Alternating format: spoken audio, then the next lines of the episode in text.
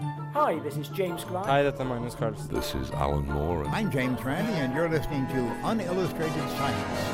Stakk hodet sitt inn i en partikkelakselerator. Velkommen til fremtiden. Universet. Spørsmålet er egentlig kan du få mennesker inn i?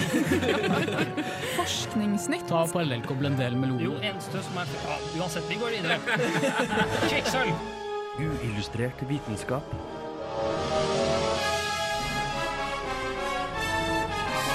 Science, it works, bitches. I denne ukas sending av Uillustrert vitenskap tar vi for oss temaet kunstig intelligens. Du skal bl.a. få høre om forskjellige typer AI, Turing-testen og om sammenlignbarhet mellom kunstig intelligens og den menneskelige hjernen. I tillegg vil du få høre et intervju med Aksel Tidemann fra Telenor Research om nettopp kunstig intelligens. Hallo og hjertelig velkommen til denne ukas sending av Uillustrert vitenskap. Mitt navn er Andreas Haugland, og med meg i dag har jeg Andreas. Ja, det har du. Andreas, Hei, hei. Martin Hei. og Håkon. Hei. Ja, har det skjedd noe kult det siste? Ja, det har skjedd ganske mye, da. Ja. Det har jo, nå har vi jo drevet med mye. Vi har lest mye om uh, kunstig intelligens, Mhm. som vi har om uh, i dag. Nettopp, nettopp. Så det er veldig spennende. Det gleder vi oss til å få høre veldig mye om. Eh, har du en fun fact? Det har jeg faktisk. Jeg har det. Jeg fant ut at eh, eh, Neil Armstrong, Ja. navnet hans baklengs, det er Gnorts, Mr. Alien. Oh. Så jeg tenker bare at eh, det her må bety noe veldig veldig kult. Konspirasjonsteorier nå. Ja, nå, nå begynner det å florere i Trondheim etter det her. Ja. Så det er kult. Bare det ikke var Lance Armstrong, da. Ja, det, det. Nei, eh, Vi skal videre i saken, og vi har denne gangen fått, var så heldige og fått et intervju av eh, Aksel Tidemann, som eh, jobber ved Telenor Research. Han har tidligere vært ansatt og mener han var KUB-student på NTNU. Og han hadde på Gløshaugen et populærforedrag om nettopp kunstig intelligens. Så nå skal vi få lov til å høre litt på det intervjuet om hva nettopp kunstig intelligens er. Jeg er Aksel Tidemann. Jeg jobber som forsker på kunstig intelligens ved Telenor Research, og du hører på uillustrert vitenskap. Nylig var Aksel Tidemann på Gløshaugen og holdt et populærforedrag om kunstig intelligens og hva det kunne brukes til. Men hva er egentlig AI, og hvor kommer det ifra? Kunstig intelligens er jo evnen til å lære og til å forutsi, og typisk også til å takle situasjoner som man ikke har vært i før. Begrepet i seg sjøl oppstod i 1956 og har vært en del av både vitenskapen og populærkulturen siden da. Eh, De siste årene har man sett en veldig stor rivende utvikling innenfor kunstig intelligens, men man, har, man kjenner bl.a. til eksempler fra gresk mytologi, hvor man har hatt lyst til å ha intelligente maskiner som var i stand til å gjøre ting på vegne av mennesker. Optimismen for uh, kunstig intelligens er jo veldig stor i forskjell fra, i, fra verdensdel til verdensdel. Hva er det som gjør dette her, og hvor er optimismen stor? Jeg vil si Optimismen er jo stor i alle samfunn hvor man har allerede et veldig utvikla forhold til teknologi. Da virker den ikke så skremmende.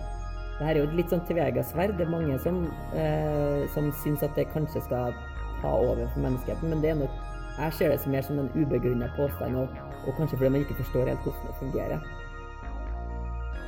Jeg tror at det kommer bare til å bli mer og mer av det. Det er ganske, ganske ustoppelig naturkraft nesten blitt. Og, men det er viktig for meg å presisere at jeg ikke er redd for framtida på noen måte. Jeg tror at det her vil være Det vil hjelpe samfunnet på samme måte som at alle setter pris på en vaskemaskin, f.eks. Du, du blir frigjort til å gjøre bruke tid på det du sjøl syns er interessant, og det som du er best på. Og det er jo nettopp veldig mye av dette her han snakker om, at målet med AI det er mye det samme som målet med regulering, reguleringsteknikk og kybernetikk. Det er nettopp det at det skal frie muligheten til at du sjøl skal kunne jobbe bra med det.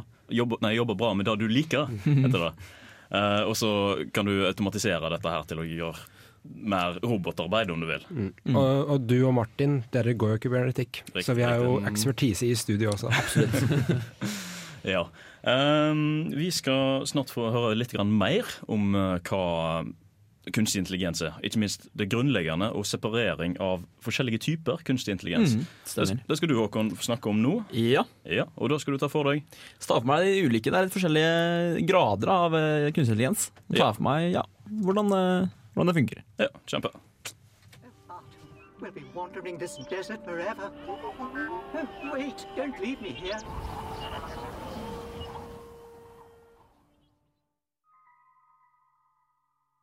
Hvis du er som meg, har du lenge tenkt at kunstig intelligens var et tullete science fiction-konsept, men de siste årene har du gradvis begynt å høre mer snakk om det av mer seriøse folk.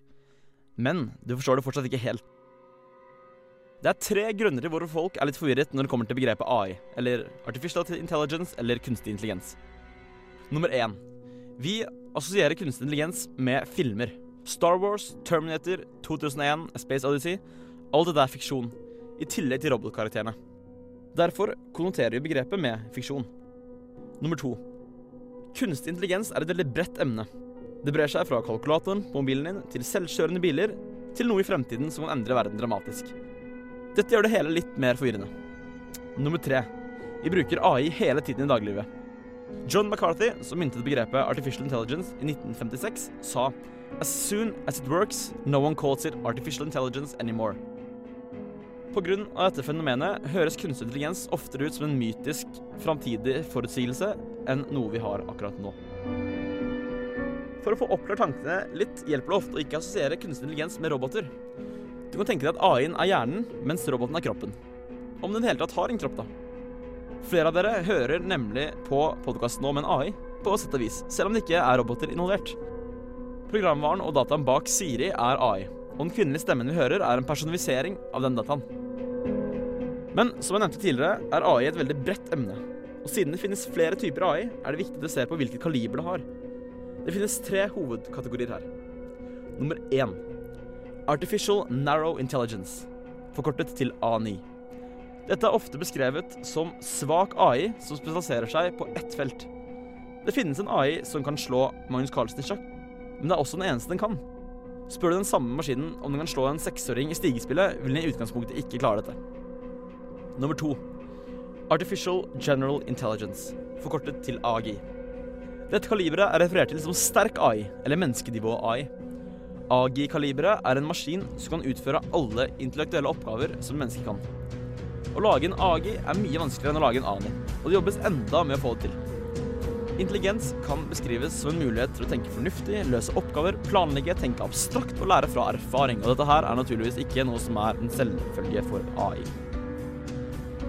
Nummer tre.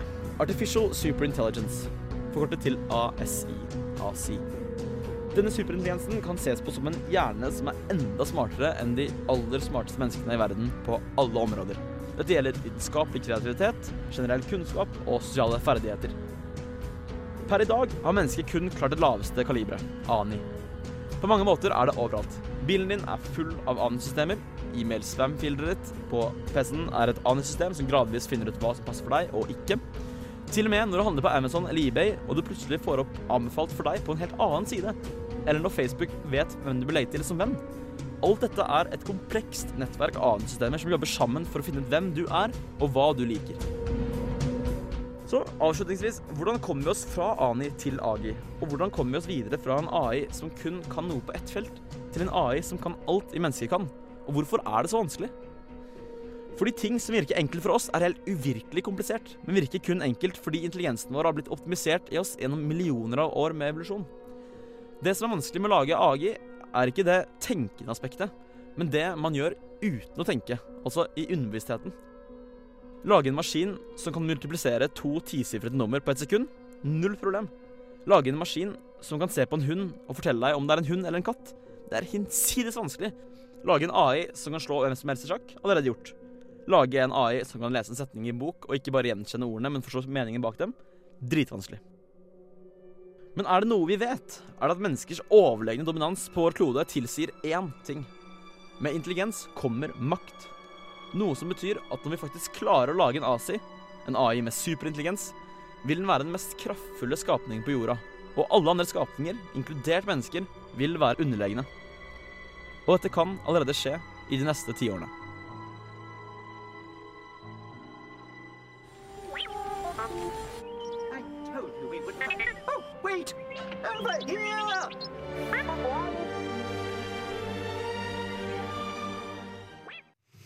Få ting er så koselig som eh, et Disney-søksmål, men eh, eh, Ja, dette her var da en liten introduksjon om kunstig intelligens. Dere skal få høre veldig veldig mye mer om det senere. Så ta på dere dykkermaskene, for nå skal vi gå dypere. Det skal vi straks. Den var fin, Andreas. For Ja, det, Ja, det den. har vi ikke brukt før. Det er, det, er, det, er, det er alt jeg har forberedt i dag, da. Så det blir ikke noe mer saker fra meg. Vi kan da kanskje lage en, en annen robot som bare kan si det hele tiden, så slipper du Slipper du å Ja, ja, så kan du bare ja. Fri. Er kanskje jeg er en robot nå? Ja, kanskje, kanskje, kanskje. Men nok om disse mysteriene, for nå skal vi høre uh, This December av Ine Hoem.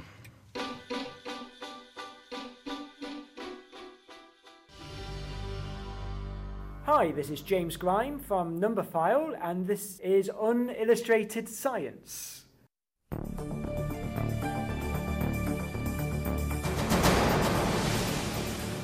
This was suspense beyond anything the world of chess had ever known. Gary Kasparov, 34 years old, a cheerful and confident player throughout a dominating career, hovered over his pieces in the deciding game of a match with an implacable challenger. Deep Blue, a computer. Da vi nå snakker om kunstig intelligens, er det viktig å sette datamaskiner i sammenheng med menneskehjernen. De funker nemlig på helt forskjellige måter, og er av den grunn egentlig ganske vanskelig å sammenligne, men jeg skal prøve. Vi har i veldig mange år hatt datamaskiner som kan slå verdens beste sjakkspillere.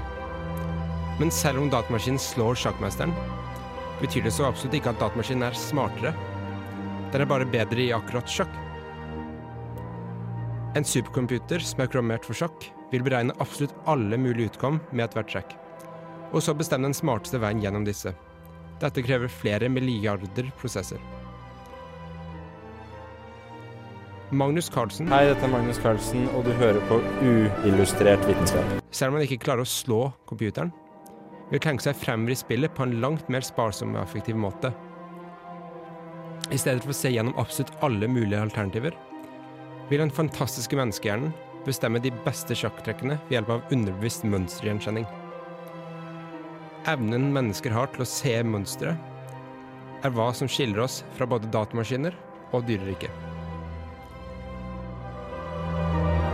I tillegg vil også supercomputeren være nokså ensidig. Der vil egentlig kun tenke på sjakk, men ikke stort mye annet.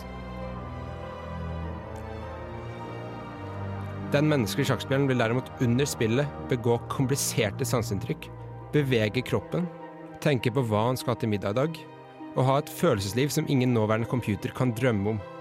Alt dette samtidig som han spiller kampen. Menneskehjernen er nærmere den mest fantastiske datamaskinen i verden. Selv om den bare står for en liten del av kroppens masse, så trenger den hele 25% av et menneskes daglige energiinntak for å holde sine 80 millioner neuroner gående.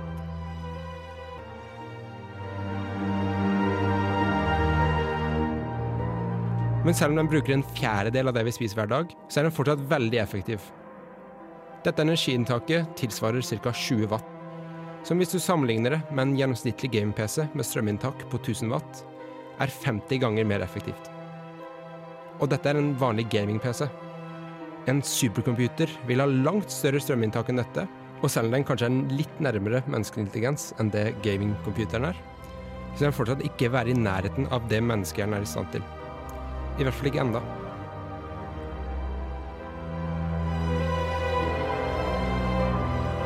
En annen viktig ting som skiller menneskehjernen fra en datamaskin, er at den fungerer som et tredimensjonalt nettverk, altså en klump som får plass inn i hodet vårt.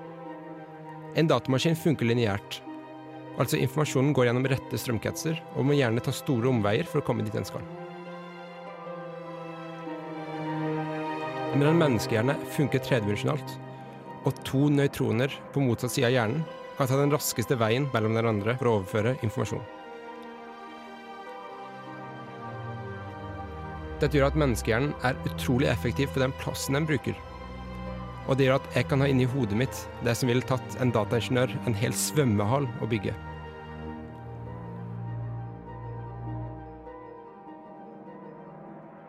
Today, inexpensive computers, with their large memories and sophisticated software, can play chess as well as Deep Blue did with its massively parallel processors. Yet Deep Blue versus Kasparov was justly called historic. The programmers had proved it was possible to build a chess playing machine that could defeat the best human opponent. Nevertheless, The machine they had built did not play chess by thinking in the same way a human does. A machine that can think remains the dream, and it's still many years and quite a few startling breakthroughs away.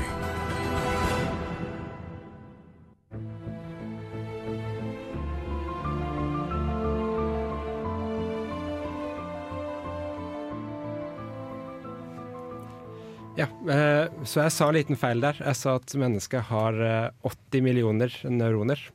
Som er feil. Det er mer sånn 80 milliarder. Det er en liten potensfeil.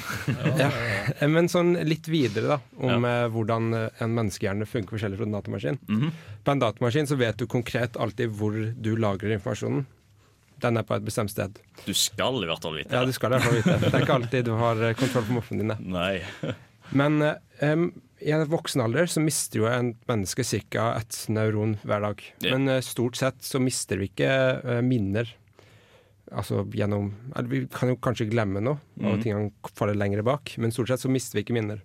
Fordi når man husker en ting eh, som menneske, så binder det seg til forskjellige deler av hjernen. Mm. Og det er det som danner kompleks, eh, komplekse nettverk vi har, og som gjør at vi kan tenke så raskt og dra så store paralleller mellom så forskjellige ting. Det er at alt er liksom lagra på forskjellige områder, og så funker det sammen på en veldig vakker og elegant måte. da. Mm. Det ikke sånn så, tenker du sånn datamaskin, så er det jo gjerne strukturert i bits. Alle fulle bits fra det bitnummeret til det bitnummeret. Den dataen er begrenset til Mm. den plassen. Mens i menneskehjernen så er det da spredd rundt på Du har litt på bit 1, litt på bit 7 og litt på bit 10.344, for eksempel. Så det. Mm. Ja, så det danner jo mye mer komplekst uh, nettverksnivå. Uh, ja.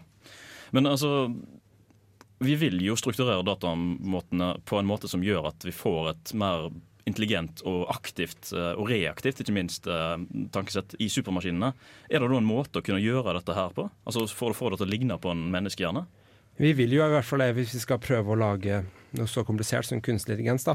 Eh, Det er et forsøk på å hvert fall prøve å eh, strukturere en datamaskin på en måte litt som en menneskehjerne. Ja. Men da, dette forsøket er mer for å prøve å forstå hjernen istedenfor uh, den andre veien rundt. Okay. Men dette er det såkalt Spinnaker-prosjektet. Ja, fortell, fortell. Eh, hvor de har eh, satt sammen eh, 10 000 eh, såkalte ARM-prosessorer. Som skal eh, være, tilsvare en prosessorkraft på ca. 1, 1% av en menneskehjerne, eller Mm. ti musehjerner. Dette var 10 000 prosessorer, sa du? Og de prøver Jeg snakka en del om hvordan hjernen fungerer sånn som han gjør, delvis fordi han er tredimensjonal, og Ja. alt blir da mye mer kondensert og sammenkobla. Og dette gjør de ved å putte masse sånne der, eh, chipper som de har seriekobla på en helt spesiell måte. Men dette er putta inn i 19 eh, sånne der eh, Altså dette er putta på ca. 10 meter, istedenfor hjernen vår som er bare inni hodet. Mhm.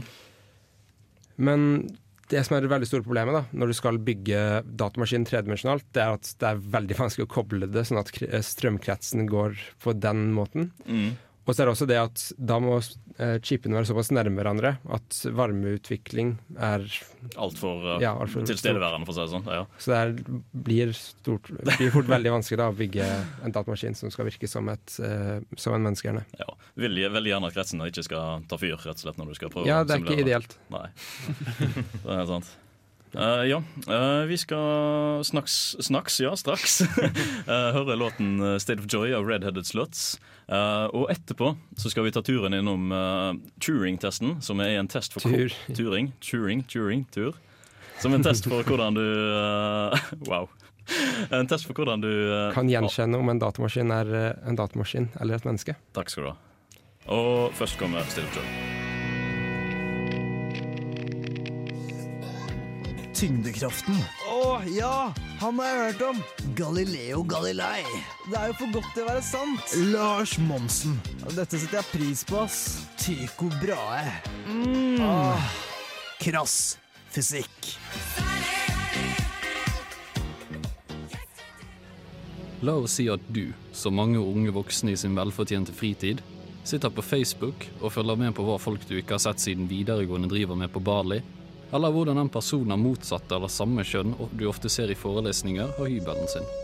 La oss si at du plutselig får en melding fra en ukjent person, som vi i dette tilfellet kaller Bob Kåre. Bob Kåre åpner med et enkelt 'hei'. Du svarer litt motvillig 'hei'. Bob Kåre spør deg hvordan du har det. Du velger å være ærlig. Du svarer 'kunne vært bedre'. Bob Kåre svarer 'Bob Kåre bryr seg'. Du finner ut at du liker Bob Kåre. Men etter en stund med sett av Bob Kåre og Bob Kåre skriver, går det opp for deg. Noe er galt.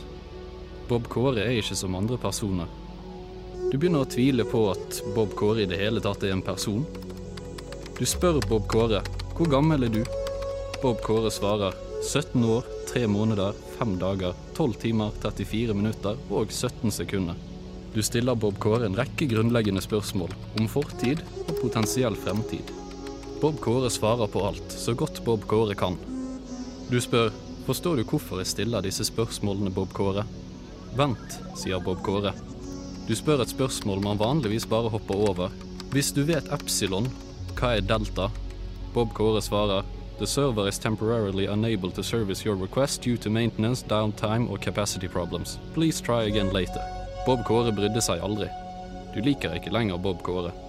På den lyse siden, du slo nettopp en AI. Om du tenkte denne historien var bortkastet tid, så er det greit. Vi har alle våre meninger. Men var den virkelig bortkastet? Var den det, Christian? Det er sikkert ikke navnet ditt, men det var verdt et forsøk. Ganske sikker på at jeg hadde reagert hvis det, det hadde vært riktig. Ja, det, det er bare gøy, det. Veldig gøy. Men uh, altså, nå snøvla jeg jo veldig på å si det i sted. Turing-test. Ja. Hva i alle dager er dette her for noe? Jo, Turing-testen, noe som jeg prøvde så godt jeg kunne å etterligne, Ja. eh, det er en slags test du tar på en datamaskin, eller AI, for å finne ut om det er en AI. Altså at du kan eh, Hvis du f.eks. sitter med et chatteprogram, Ja. og den begynner å snakke med deg, så begynner du å lure litt på om det er en AI. Hvordan kan du finne ut om det er AI eller menneske? Og da er det Turing-testen går da ut på å liksom stille rekke spørsmål som går mer på sånn følelse, ting eh, mennesker kun kan forstå. Ja, akkurat, ja. ja. Eh, og det er sånn at hvis du eh, ikke klarer å avsløre en datamaskin på fem minutter, er det vel nå, ja. eh, og du er sånn profesjonell dataavslører eller noe, så, så har AI-en på en måte vunnet Turing-testen. ja ok, Så da, da kan den liksom kalle seg sjøl for en menneske på en måte? da, Så han er så smart at han klarer å lure et menneske? Ja, han klarer å lure deg i mer enn fem minutter. Ja. Det, det finnes jo faktisk konkurranser hvert år hvor uh, computerforskere deltar med datamaskinen sin og ser om den kan liksom klare Turing-testen. da. Men, men når folk, når folk liksom lager, Turing, eller lager en AI, er det da hensyn til at Turing-testen eksisterer?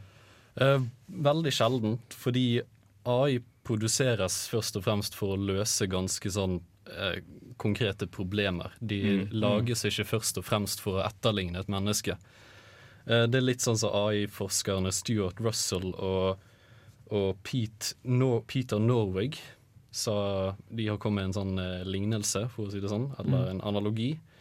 Det med at man lager fly for at de skal fly best mulig. Man lager ikke eh, fly for å imitere fugler for å lure fuglene. Ja, mm. Har, har noen klart å lure dommerne i de testene snakket om, Andreas? Vet noen om uh, ja, så det var en AI het Eugene Guzman, uh, tilbake på i 2007, tror jeg det var. Fint navn. Som, som skulle Alt mulig spørsmål. ja, Eugene. Eugene. Som, som visstnok skulle ha intelligensen til en 13 år gammel ukrainsk gutt. Ja, akkurat, ja. Uh, jeg vet ikke, jeg tror ikke det var ment som uh, et slag mot Ukraina, for å si det sånn, men Ja, veldig spesifikt. ja. Den, den lurte rundt uh, 30 av dommerne. Jeg tror det var 33% helt nøyaktig. Mhm. Det var tre eh, dommere, da? Det var én og tre? ja, kanskje det. Jeg syns alle våre lyttere burde putte sammen hodene sine for å skape en AI som heter Bob Kåre. da. Ja, det, Ja. burde det. Mm. Det. Oppfylle Martin sin drøm. Om å treffe Bob Kåre på internett. Ja. som bare snakker med tilfeldige folk på Facebook. Det hadde vært Mm. veldig bra. Ja. Uh, men det er noen som snakket også om uh, en versjon av Cleverbot, uh, som er en sånn eh, greie man kan gå på nettet. Ja, stemmer som, det. Det er ikke jævlig lenge. Eksisterer den ennå? Ja, Jeg det vet gjør det. Tror det, faktisk. Den, eh, der var det noen som påsto at den slo nesten 60% av eh, dommerne. Men det var da gjort eh, skal vi si, uten ubegrensede samtaleemner, så du kunne vel ikke snakke om hva som helst. Og det var heller skal vi si, uten akademisk tilstedeværelse. Ja, og Hva kan, du altså. Ja, da, da blir det litt sånn her uh, eh, Når en klasse på sånn- barnehage, kanskje? Eller? Ja, kanskje det blir litt sånn BuzzFeed-vitenskap. Ja. At det, Ja, ikke sant. sånn, Ja. ikke helt ja, det liker vi ikke. Nei, ikke det. I det hele tatt. Eh, Ja, um, vi Var det, var det Karmøy-dialekt? Ja. Hvis du trodde på han, så var det det. Okay. Um, vi skal snart høre litt om en type AI, uh, nettopp Pepper. Ja. Eh, men aller først så kommer låten 'Young You' av Kakk Motherfucker.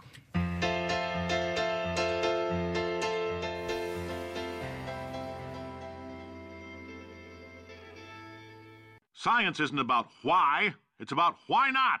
Why is so much of our science dangerous? Why not marry safe science if you love it so much?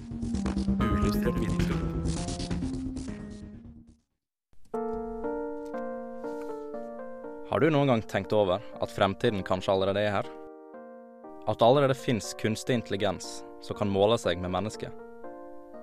Ja, ikke helt ennå, men vi er ikke så altfor langt unna. Pepper er en robot med ett spesifikt mål glede og sosialisering. Pepper er designa og produsert av Aldebaran, et fransk selskap som har holdt på siden 2005 med utvikling av menneskelige roboter.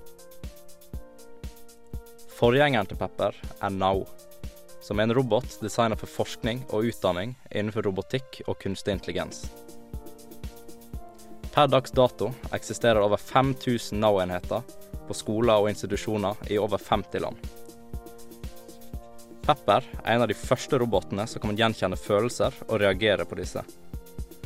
Den er utvikla for å hjelpe folk rundt om i verden som f.eks. sliter med angst og depresjon. Samtidig er Pepper laga for nettopp det sosiale, og har en skjerm der han kan vise bilder og finne frem informasjon. Operativsystemet til Pepper er Linux-basert og open source, som vil si at kildekoden er åpen for endringer, og programmerere kan sjøl endre koden og skape nye bruksområder via applikasjoner. Dette er et stort steg for robotikk, og bidrar i høy grad til å hjelpe folk rundt om i verden, og bidrar allerede som en venn i mange familiehjem, spesielt i Japan. Pepper veier 28 kilo og har opptil seks mikrofoner på kroppen og kamera. De kan gjenkjenne ansikt og forandre relasjoner til personer basert på det. I fremtiden håper selskapet at Pepper kan bidra til alt fra barnepasser til kontorarbeider.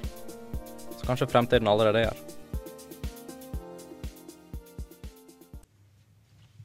Ja, velkommen tilbake til oss her i studio. Du hører på Uillustrert vitenskap ved Radio Revolt. Ja, det var Pepper. Ja, det stemmer. Godt krydra? Veldig. Veldig, godt krydra. ja. Ja, altså, jeg syns det er utrolig kult, egentlig. Jeg likte den saken her veldig godt. For at de er jo inne på det der med emosjonell intelligens Mhm. i stedet for bare altså, artificial intelligence, så det heter så fint. Så det er liksom da, da at noe annet enn mennesker kan ha følelser, er jo liksom det de prøver å få frem her. da. Og det, Ja. Jeg syns det er utrolig, en utrolig stilig tanke. da. Mhm. Eh, Absolutt. Ja, for at jeg, de, jeg las jo litt inn på den her produksjonen av selve roboten, eller selve intelligensen. Mm. Så var det at da med ansiktsuttrykk, for det er jo da de prøver, de skal jo, roboten skal på en måte svare til om du føler deg trist, om du føler deg glad. Som kommer med respons, eller liksom hjelper til da, hvis du er lei deg. Ja, jeg skjønner. Uh, og jeg- de, har liksom, de hadde over 1000 forskjellige bilder av hver følelse. Ja. Så de måtte måtte analysere det, og så ligger alt det der inne koden hans. Så det, er- så det er utrolig stilig. Hvordan så du henter fram riktig data, da, så gjenspeiler det, liksom? Ja, altså gjenspeiler en respons der, rett og slett. Til, Ja. Hvordan, hvordan ser egentlig Pepper ut? Har ikke jeg sett noen til det. egentlig. Nei, den, den er egentlig Den er ca. ja, litt under en meter høy. Mm. Uh, han har et, nesten en nettbrett da, uh, på, på brystet, og så har han kamera i panna og, uh, og litt sånne ting. Ja. eh, og så um, har han tre hjul da, som, eh, som han ja, går rundt på. Shit. Og det er, farten på han er egentlig helt fantastisk. Han går hele tre kilometer i timen. Ja. Så det er Wow. Men han gjør ikke noe fysisk, eller kan han, kan han gjøre noe som helst? Den kan bare- danse. Danse, ja. Det er litt sånn emosjonelt I eh, tre kilometer i timen. Men jeg vet ikke hva med dere, da? Kunne dere tenkt å, å hatt en sånn hjemme? Jeg tror vi alle kunne likt å ha liksom en eh, robot som støtta oss i våre vanskeligste stunder. Det ser litt trist ut Andreas. Er det noe? Nei, Du ble litt emosjonell. Ikke på lufta. Ja, for den går det an å få tak i. Altså, den er Ja. Vi skal jo til Japan nå ganske snart med kybernetikk. Og da skal vi innom og se på en, eh, en sel som de skal bruke En bamse, faktisk. En type bamse. Det er en robotsel som de skal bruke i eldrepleien for demente og sånt. Som reagerer på nettopp det med å stryke altså stryk, blir bli strykt, og så reagerer han på det. Okay. Så det er noe som de prøver å få eh, inn og sertifisert nå i Norge, faktisk. Eh, Så det er jo store muligheter for å benytte nettopp dette her i både privat og i offentlig sektor. Helse, sant. Så bare Det skal, jo- det skal være terapeutisk med dyr, hos eldre og sånn, som Ja. ikke har så mange. Og, Ja, ja. Men, ja. men robotsel, da? Ja, eh, det fine med dette, altså det var jo et dyr som de ikke var vant til å ha. Men de fleste har jo hatt en katt eller en hund. Så, altså, folk som hadde vært demente og kanskje gjerne ikke snakka på mange mange år, mm. bare våkna opp og reagerte og interagerte med den selen. Det lyste opp, liksom. En sel er hyggelig, da. Ja. Spennende. Men Vi kommer jo videre inn på altså, kunstig intelligens og automasjon og sånt. Er det egentlig bra eller dårlig? Hva, altså, det er veldig mange som frykter det. Nei, det det er også veldig vanskelig å vite med hva som skal skje på et område som vi vet ikke. Mm. Altså, Hvis robotene blir mer intelligente enn mennesker, som de gjerne kan bli en gang, så vet vi ikke om de velger å beholde oss, eller om de velger å underkaste oss. Og folk, og folk snakker om det de kaller the singularity, da, Ja. eller singulariteten. Som er at det øyeblikket roboter blir smartere enn oss, så kan de begynne å lage nye roboter som er enda smartere enn det igjen. Mm. Og så blir de robotene bedre på å lage smarte roboter, og så bare utvikler seg utrolig raskt til at robotene er mye mer smarte enn vi noen gang kan drømme om å være. Mm. Så det, snakk, det folk snakker om, da, det er hvordan vi kan programmere robotene til å ikke ville skade mennesker. Og det som ble teoretisert av Isaac Asimov, som er en veldig sånn kjent eh, science fiction-skriver, Ja. det var at han lagde Isaac Asimovs tre lover. Som er regel nummer én roboten må ikke drepe. Regel nummer to roboten må ikke la mennesker komme til skade hvis det kan unngås. Mm. Og regel nummer tre roboten må gjøre det beste han kan for å forbedre seg selv, så lenge det ikke går på bekostning av de første to lovene. Ja. Problemet der det er at det er veldig vanskelig å programmere inn i en robot. Altså hvordan du skal formulere det på et hvordan, hvordan en skal sette den begrensningen, for det er jo nettopp det som er frukten med singulariteten. Mm. Altså, Sim, hva, er et, hva er et menneske? Ikke sant? Eh, og så har du mennesker som eh, ikke, lenger, ikke lenger har bevissthet, som er på sånn der eh, ja, på sykehuset. Ja. Og så er det mennesker som ikke har blitt født ennå. Og så skal roboten begynne å tenke på mennesker som blir født ti eh, år lenger frem i tid. Mm. Så det blir veldig vanskelig å tenke på det. Da har man jo litt sånn i forhold til dyr òg, f.eks. Altså, hvordan vil han oppføre seg i forhold til dyr? Mm. Vil han Mm. regne de som mennesker, eller vil han regne de som noe annet? Eller? Ja, han burde jo begynne å ha litt uh, Ja. ja, sympati overfor dyr også. Worst case, eller den verste case er jo liksom òg hvis altså De tenker jo de må jo ha energi fra en plass. Men Mm. natur kommer jo inn, sånn som med dyr og med mennesker. Altså, Mm. skal du bevare miljøet, så må du jo gi, gi restriksjoner på det òg. Mm. Og spørsmålet er om de ser på en måte at det, om, om uh, kunstig intelligens da, de, de begynner å se hva vi egentlig ikke trenger. da. Om vi tenker liksom at for eksempel massemedia ikke er noe behov for oss, da, og du har lyst til å endre det. og Jeg leste en bok av Nick Bostrom, eh, en kjent uh, kunstig intelligens-forsker. da. Ja. Og Han har skrevet en bok som heter Superintelligence, og han uh, beskriver tre måter. da. Uh, tre måter uh, superintelligens kan fungere på. Enten det er et orakel som har svaret på alt vi vil vite hele tiden, eller et genie som liksom kan utføre alle ting vi har lyst til. Lyst, til, liksom, ja, som, de kan gjøre hva som helst. Eller en sånn sovereign da, som bare går rundt og gjør alt den vil, men på Sånn- en bra måte. Som et supermenneske som er kjempehyggelig og, og finner eh, bedre og bedre måter å kunne eh, transportere folk og alt mulig på. Ja. Ikke, ikke, ikke akkurat sånn Ultron, for å si det sånn. Nei, ikke akkurat Ultron. Det, da går det til Mm. Altså det de største optimistene tror, da, det er at vi kommer til å komme til et sånn fantastisk drømmeverden. Hvor alt er mye billigere enn det noen gang har vært, og mennesker kan bare nyte livet sitt hele tida. Mm. Fordi robotene er så smarte at de kan få all energien de trenger, og all næringa de trenger, og menneskene kan bare chille og trenger aldri å gjøre noe igjen. Det, Men- det er jo på en måte det som er litt ideell òg, da. Altså at uh, Mm. Ja. Men selv da så klarer vi sikkert å ikke være glade. Nei, Siden uansett hvor mye vi har, så er vi fortsatt Jeg får litt sånne assosiasjoner til den der Wall-E-filmen. Ja. Jeg tenker meg jo- Den er jo litt, eh, litt skummel, da, egentlig. Mm. En sånn fremtid vi, vi må se frem til. Ja, ja, absolutt. Absolutt. Uh, ja Uh, Altså, det er jo det vi tenker jo Altså, hvordan skal dette gjennomføres? Mm. Det er jo bare hvordan. Liksom, vi vet jo ikke noe om hvordan det skal gjøres Men vi er liksom ikke klare til å ta konsekvensene, føler jeg. Nei. Ikke det heller. Jeg leste at det snakket jo i stad om Ani og Asi og, og Agi. Ja. Så, Ja.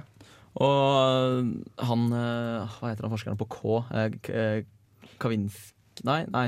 det vet jeg ikke. Nei, nei. Men han sa at innen, innen 2039 da, så, så skal vi ha AGI da, på plass. Ja, altså det- det- General Intelligence. Ja. Som er like, på likt nivå som mennesker. da Ok. Og jeg leste at ASI skal være på rundt 2050. da 2050. Og Tidligere så var det veldig, veldig sånn mente at det, er stemmer ikke i det hele tatt, for det er langt ifra. Men nå har vi kommet så langt med, med den første, altså Narrow, ANI, Intelligence. Så, så ting begynner å se ut som det kan skje da, veldig tidlig. Det er spennende å se på, men ofte så blir jo uh, roboter portrettert veldig evil. da Veldig liksom slemme ting. Ja, i hvert fall science fiction. ja, ikke sant? Veldig sånn, De er onde og skyter og blaster trynet og sånn. Ja. Det er ikke noe kult. Eller Matrix. ja, ikke sant? Men uh, hvorfor skal det være sånn? Hvorfor kan det ikke heller bli portrettert litt bedre? Sånn som i Wally, for eksempel. En annen veldig interessant film det er uh, Her, hvor uh, en mann spilt av Joaquin Phoenix lærer seg å forelske seg i en sånn AI. Ja. Og Er, det- er det sånn eh, Bob Kåre snakker ja, det er litt mer sånn at det er et operativsystem hans, men uh, så snakker det med Scarlett Johansen sin stemme. Så det er kanskje litt bedre enn å se meldinger fra Bob Kåre på Facebook. ja. Så er jo den. Mm. Men jeg skal ikke spoile hele filmen, men det skjer veldig mange interessante ting eh, i forhold til det med AI. da. Ja. Og Jeg anbefaler alle å se det, siden science fiction kan alltid fortelle oss noe om fremtida vår, Mhm. Mm. selv om det ofte blir avskrevet. Har du Ja. tenkt på at ofte så AI også kvinner? Men Sånn de fleste, jeg føler at det er veldig ofte at det er kvinner som er liksom de sånn, ja. Jeg, føler at, det, er det jeg tenker at det, det, kanskje det er det menn synes, helst vil snakke med. Altså det de Men det har du jo òg i GPS-er. Det Ja. veldig mange Ja, ja. bil... Det Altså, handler visst mer om skal vi si, klarhet på stemmen. Ja, hvis du har en som bare Mm. I bilen. Ja, skal, hvor skal jeg til høyre? Skal jeg til venstre? Um, take a U-turn if possible. Nå har Morgan Freeman blitt GPS-stemme, forresten. Ja, det fikk jeg med meg. Det er utrolig kult. Åh, herlig. Det har jeg lyst på. Nei, uh, ja. Er det noen som har noe mer de vil snakke om? Jeg vil egentlig bare si at det er litt tilfeldig at vi kanskje får en superintelligens eh, samtidig som vi får en space elevator. For det er 2050 i dag. Er det 2050 i dag? Sånn. Ja. Og så har vi? Mr. Alien eh, Armstrong som teorien bak det, i hvert fall. da. ja. Det er også samtidig som miljøet liksom virkelig begynner å gå til helvete. Så det kan egentlig bare komme så fort som mulig. Siden jeg vil ikke miste hele Danmark. Det ville vært kjipt. Nei, det er helt sant. Men uh, vi skal videre, og vi skal høre på uh, våre gode klassikere 'Tryllefløyten' av Fjorden Baby. Uh, deretter så begynner vi å nærme oss slutten på denne ukas sending. Men vi kommer tilbake om litt.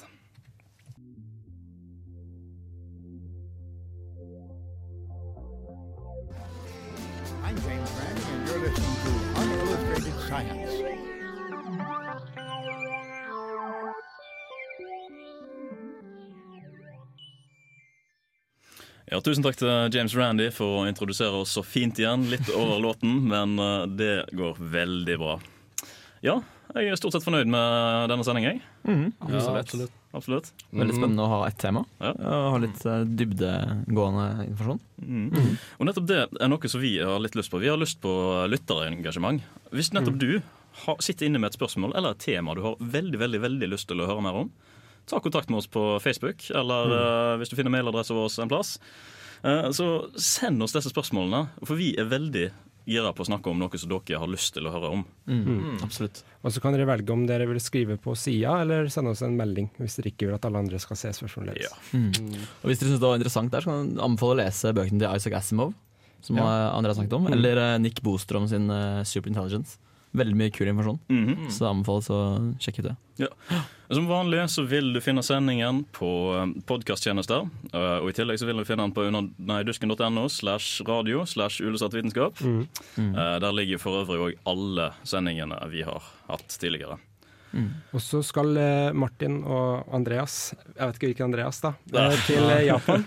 Så så nå er det vi som tar over i et par uker. Så da må ta på seg kjørebuksene, Ta på seg kjørebuksene. Det blir bra. Vi gleder oss til å høre det. Jeg har vært Andreas. I dag har jeg hatt med meg Andreas. Andreas. Martin.